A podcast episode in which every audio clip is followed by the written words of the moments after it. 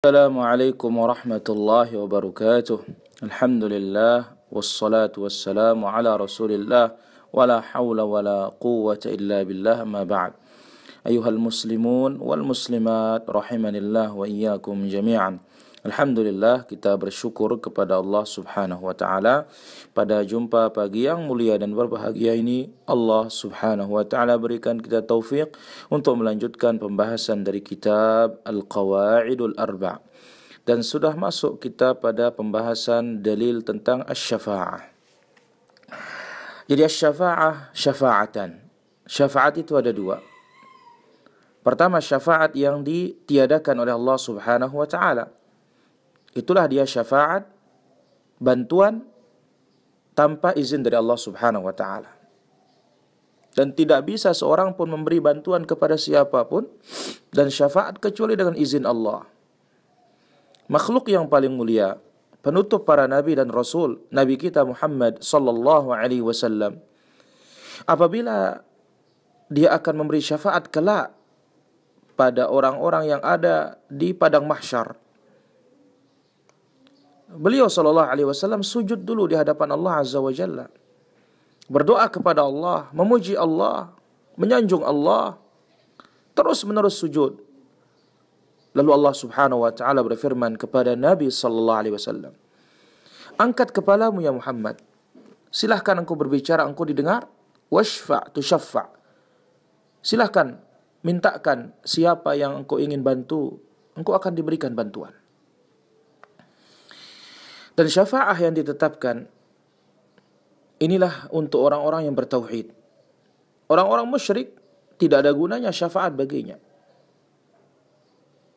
Orang-orang yang memberikan kurban kepada kubur, bernazar untuk kubur, ini adalah kesyirikan dan musyrik. Tidak ada gunanya dan tidak ada manfaat kelak pada hari kiamat siapapun yang akan memberi dia syafaat.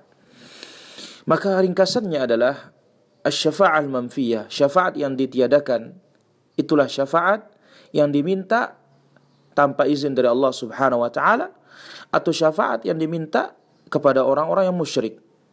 Adapun syafaat yang sahih dan yang ditetapkan oleh syariat kita adalah yaitu syafaat dengan izin Allah Subhanahu wa taala bagi orang-orang yang bertauhid.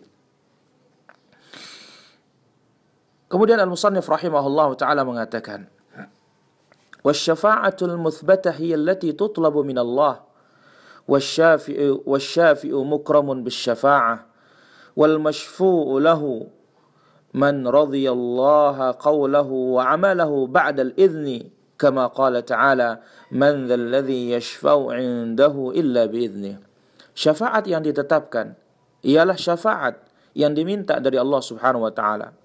Dan orang dan yang memberi syafaat dimuliakan oleh Allah dengan syafaat tersebut. Adapun orang yang akan diberi syafaat, diberi bantuan, dialah orang-orang yang diridhai ucapannya, diridhai amalannya setelah ada izin dari Allah Subhanahu wa taala dan mereka lah orang-orang yang bertauhid. Sebagaimana firman Allah Azza wa Jalla, "Man dzalladzi yashfa'u 'indahu?" Tidak ada yang bisa memberi syafaat di sisi Allah kecuali dengan izin Allah Subhanahu wa taala. Demikian juga disebutkan di dalam hadis Nabi sallallahu alaihi wasallam. Nabi alaihi salatu wasallam mengatakan di kulli nabiyyin da'watun mustajabah. Setiap nabi memiliki doa yang mustajab. Wa qad ta'ajjala kullu nabiyyin da'watahum. Dan setiap nabi telah menyegerakan dan menggunakan doa mereka semua. Wa ana khabbatuhu li ummati. Adapun aku doaku yang mustajab itu aku sembunyikan untuk umatku syafa'atan li ummati. Sebagai syafaat bagi umatku. Fahiya nailatun insyaallah. Maka dia pasti akan didapatkan insyaallah. Liman mata min ummati. Bagi umatku yang meninggal dunia la yusyrikuna billahi syai'a. Yang mati dalam keadaan tidak berbuat syirik kepada Allah Subhanahu wa taala.